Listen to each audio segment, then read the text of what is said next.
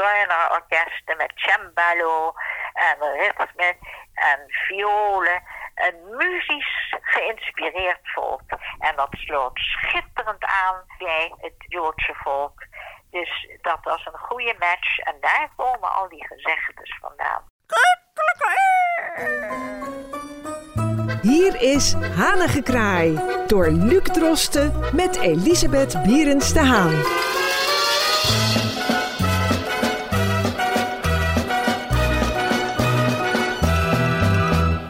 Hartelijk welkom bij Hanige Kraaien. En voor de derde week op rij hebben wij een talig onderwerp voor onze uitzending. Twee weken terug hebben wij Nederlandse spreekwoorden belicht. Mevrouw Bierens de Haan heeft vorige week verteld over eh, de Franse taal. En vandaag gaan wij Jiddische woorden en Jiddische zegswijzen en uitdrukkingen belichten. Mevrouw Bierens de Haan, uh, weer een aflevering over taal. Wat heeft u met het Jiddisch en de Jiddische cultuur? En mijn moeder was van Joodse origine. Mijn moeder was Joods, mijn vader was katholiek. En van de Joodse kant heb ik veel gehoord. En eh, moeder, haar familie kwam uit Nederland, maar zij daarvoor, zo zou je kunnen zeggen, 18e eeuw uit Duitsland gekomen. Hakkenbroch en al eh, Schnitzler, allemaal uit Duitse Joden die naar Nederland kwamen. En mijn moeder heeft me heel veel verteld, en ook een oud-tante, over gezegdes en opmerkingen. Die vond ik zo ontzettend leuk. En dat werd ook veelvuldig in de straten gebruikt. Voor de Tweede Wereldoorlog. Ja. Let wel, dus toen de Duitsers de Joden weghaalden, haalden ze meteen de humor weg. Ze haalden de Jiddische woorden weg. En uh, dat hebben de Duitsers gedaan. Hoe zou u de Jiddische humor kunnen omschrijven? Wat is het, het overeenkomstige kenmerk? Wat is de gemene deler? Uh, de Jiddische humor is dat je zelf spot hebt. Dus je kan iets zeggen en dan zeg je iets heel geks erachteraan. Dat betekent zelfspot. En daar moet je wijs voor zijn om dat te kunnen. Meestal zijn de mensen betrokken bij zichzelf. Van dat heb ik niet gedaan, dat heb ik niet gezegd. En dat is zo vreselijk leuk. Daar herken ik de joden die ik ontmoet. Het zijn er heel weinig. De meeste zijn weg. En maar als ik iemand spreek waarvan ik denk, oh die is vast Jiddisch, die zegt zoiets leuks, ja dat is echt Jiddisch. En Jiddisch is Jiddisch. En daarvoor moet je Jiddisch zijn om het Jiddisch te begrijpen. En dan heb ik hier wat gezegdes. Bijvoorbeeld, mijn moeder, die zei, Elisabeth, kijk eens, die mevrouw heeft chicanes. Wat is dat nou? Nou, dat betekent die vrouw heeft een beetje koude kak. En daar komt het woord chic vandaan. Ach. Wat ben je chic? Chicanes. Dat is heel grappig, want eigenlijk het woord chic heeft geen negatieve connotatie, nee, maar chicanes dus wel. wel. Ja. Chicanes is koude kak, moet je er zien hoe ze erbij doen. Ja, uh, pretenties. Uh... Pretentievol. En dan heb ik nog een hele leuke. Als ik thuis kwam van school, zeg ik: Mama, dit, een hele verhalen had ik.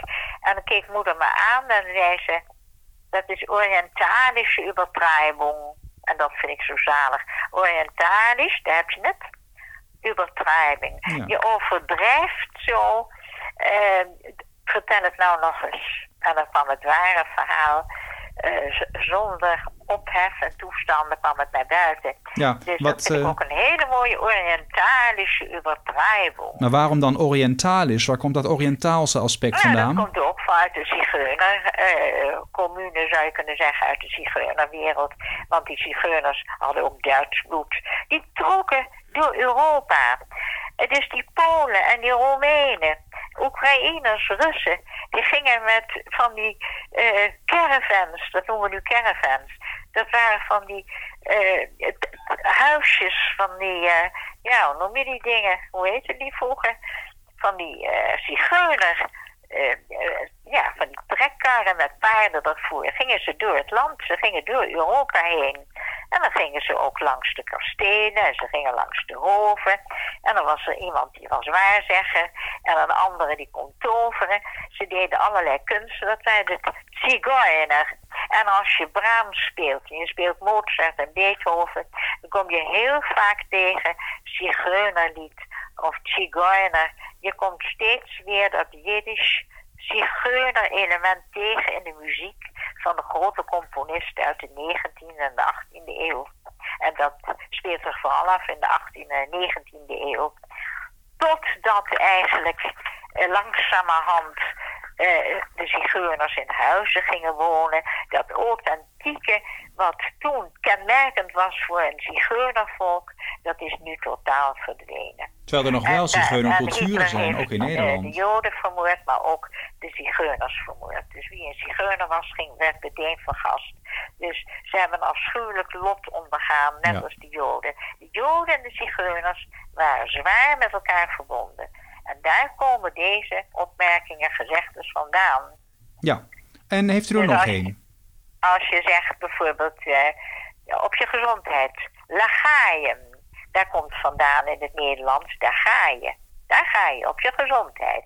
Lagaien, prachtig gezegd. Wat leuk dat zo'n verbastering dan leidt naar een Nederlandse zin die daar eigenlijk ook heel logisch uh, past. Precies. En als iemand zegt, eh, een jonge man van 30 jaar, oh, ik ga met sabbatical, sabbatical, ik ben zo moe.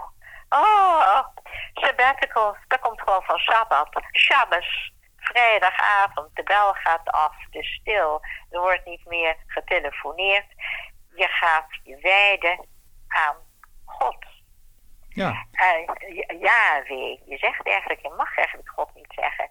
En daarom hebben Jehovah-getuigen ja, je... zeggen Jehovah voor het woord Yahweh. Ja, je mag trouwens ook volgens mij niet... De verering begint op de Shabbat, vrijdagavond, en eindigt weer zondagavond.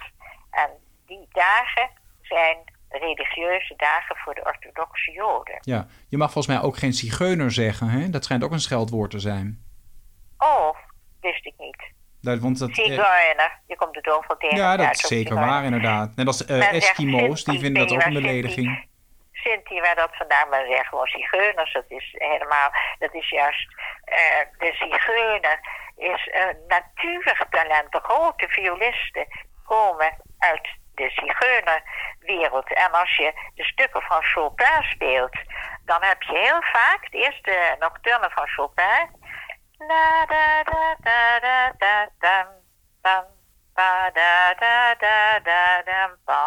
melancholiek. En dan zie je helemaal zigeunerlijnen erin lopen. Ik wijs iedereen erop, moet je goed opletten. En er zit een wat droevige toon in.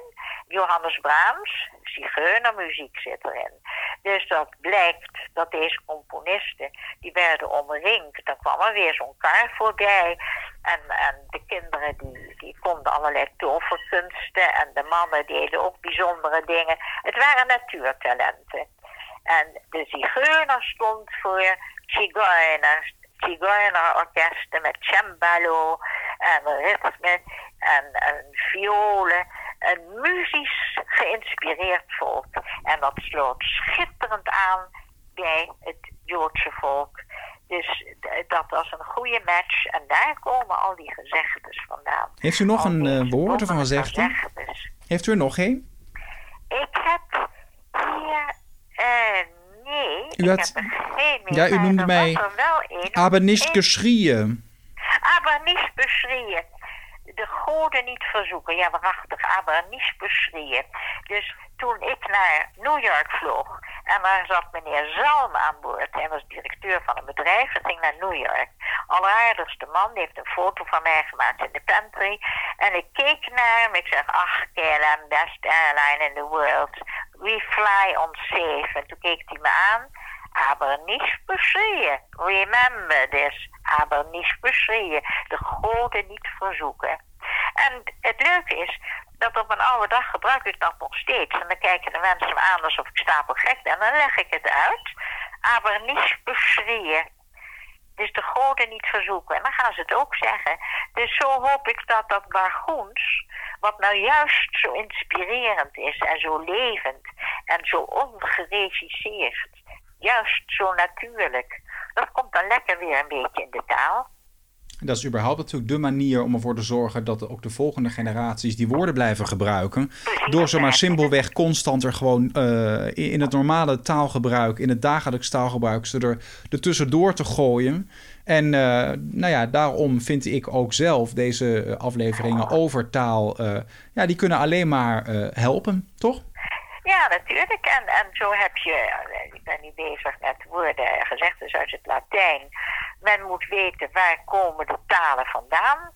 Frankrijk, het Frans, het Engels, het, het alle talen die we spreken, uh, waar is de oorsprong? En uh, ik vind het jammer, ik heb geen gymnasium gehad. Het komt gewoon door de oorlog hoor. Het was zo'n uh, toestand. Je mocht blij zijn als je een opleiding. Ik heb HBS gehad, maar ik had heel graag gymnasium gehad. Maar echter, mijn lieve Julian had wel gymnasium, maar die was ook 24 jaar ouder. Dus uh, die heeft mij als oudere heel prettig heel veel geleerd Latijnse gezegdes. En heeft me, uh, we een boek gekocht, beginnend Latijn. En dan, als je dat gaat bestuderen, gaat er een wereld voor je open. Dan zie je wat enig. Chiesa, stoel, uh, chaise, de link tussen de talen, het Frans en het Latijn. Je gaat ontdekkingsreizen doen in de taal. Het is gewoon zo leuk om te doen.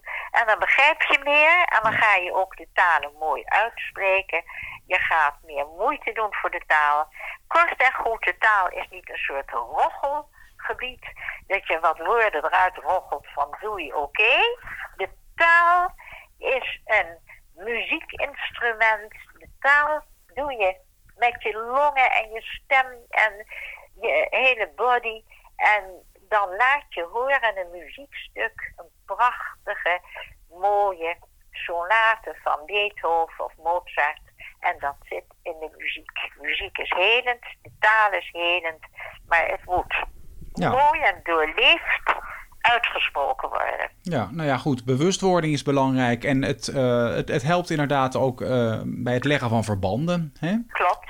En dat kun je dan weer doortrekken naar verbanden leggen in het gewone leven. Dus dingen niet alleen maar aannemen voor wat ze zijn, maar doortrekken naar wat is de achterliggende uh, gedachte. Ja, Uw uh, man was dus inderdaad, uh, wat dat betreft, had een voorsprong op u. Hoe, hoe, mag ik vragen, hoe oud was u toen u hem leerde kennen? Ik leerde hem kennen toen, even kijken, 23.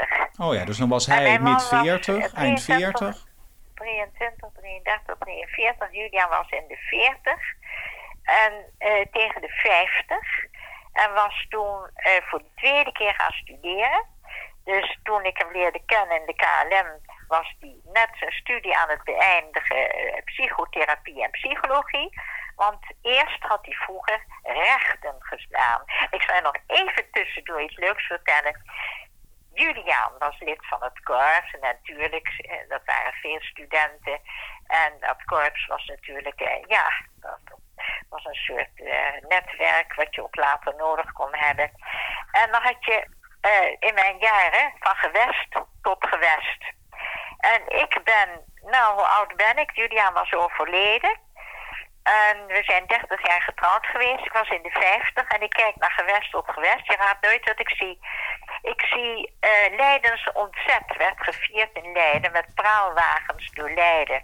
En wie zit daar op een praalwagen tussen allemaal schone elfen en nymfen en allemaal uh, zingende mensen op die praalwagen, natuurlijk allemaal jonge dames. En wie zit daar? Mijn lieve Julian. Dus dat is wel heel geestig. Toen was hij in de twintig. Even kijken, nee, ik was twintig en hij was vijf, dus precies omgekeerd. Daar zit mijn lieve Julian. Dus ik kon hem zien vanuit mijn uh, jonge leeftijd, hoe hij eruit zag. En nou ja, toen hij nog jong was, toen hij student was. Ontzettend leuk. Toen was hij, nee, ik zeg de, ik zeg de leeftijd niet goed. Hij was student, toen was hij 28. En ik was, uh, ik was een babytje natuurlijk, maar die film heb ik pas veel later gezien. Dus toen ik die film zag, was Julian overleden. En toen zag ik die film. Ik dacht, god wat enig, daar heb je Julian. Daar is die 28, wat een leuk. Hij zag er zo Engels uit. Ik heb hem leren kennen natuurlijk toen hij uh, ja, tegen de 50 was. Ja. Dus en, en, maar geen, en geen jeugdfoto's waren er?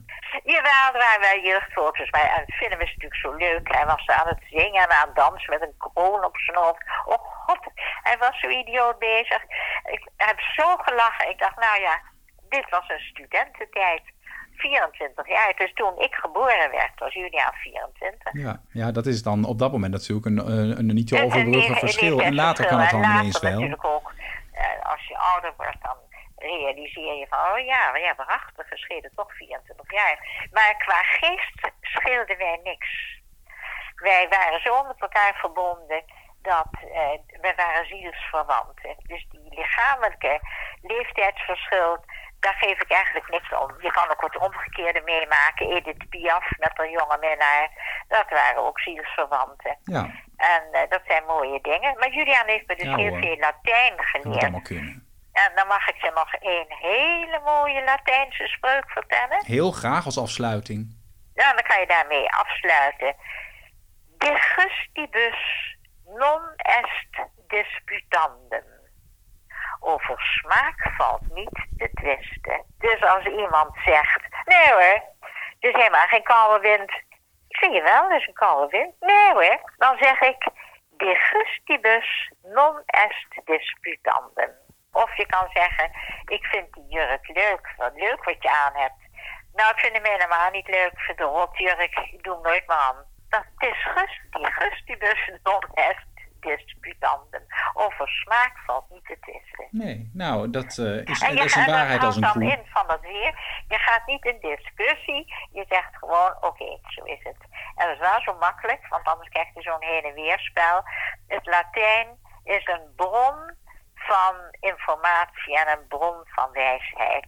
Concordia res parve crescunt. Discordia dilebunte. Dat is ook heel mooi. Goede wijn behoeft geen krans. Concordia res parve crescunt. Discordia dilebunte. Nee, dat, dit is een, een bron. Dit is een bron van wijsheid en schoonheid. Ja, nou, en we hopen dat mensen dat eh, wellicht ook oppikken na het beluisteren van eh, de Oh, dat afleveringen. denk ik zeker wel, want anders... eh, nee, dat denk ik wel. Want de mensen hebben zo genoeg, eh, hebben genoeg van de televisie, hebben genoeg van, van onzinnige dingen. En dan gaan ze zich hierin verdiepen en denken ze... Ach, we wisten nooit dat dat zo interessant was. We zijn leidsman en leidsvrouw op, op, op het pad naar de diepte van de ziel. En ook eh, beschrijft dat mooi de ambitie van de rubriek, inderdaad. Verdieping. En dat gaan we volgende week ook weer doen. Want mevrouw Bierenstaan, ik meen dat u ook graag nog een keer over Duitse woorden wilde praten. Klopt dat? Volgende de week, volgende eh, volgende week gaan wij daarop door. Graag tot dan. Goed, graag tot dan. Dag Luc. Wilt u reageren? Mail naar hanigekraai.amsterdammefm.nl en uw bericht komt terecht bij mevrouw Berends de Haan.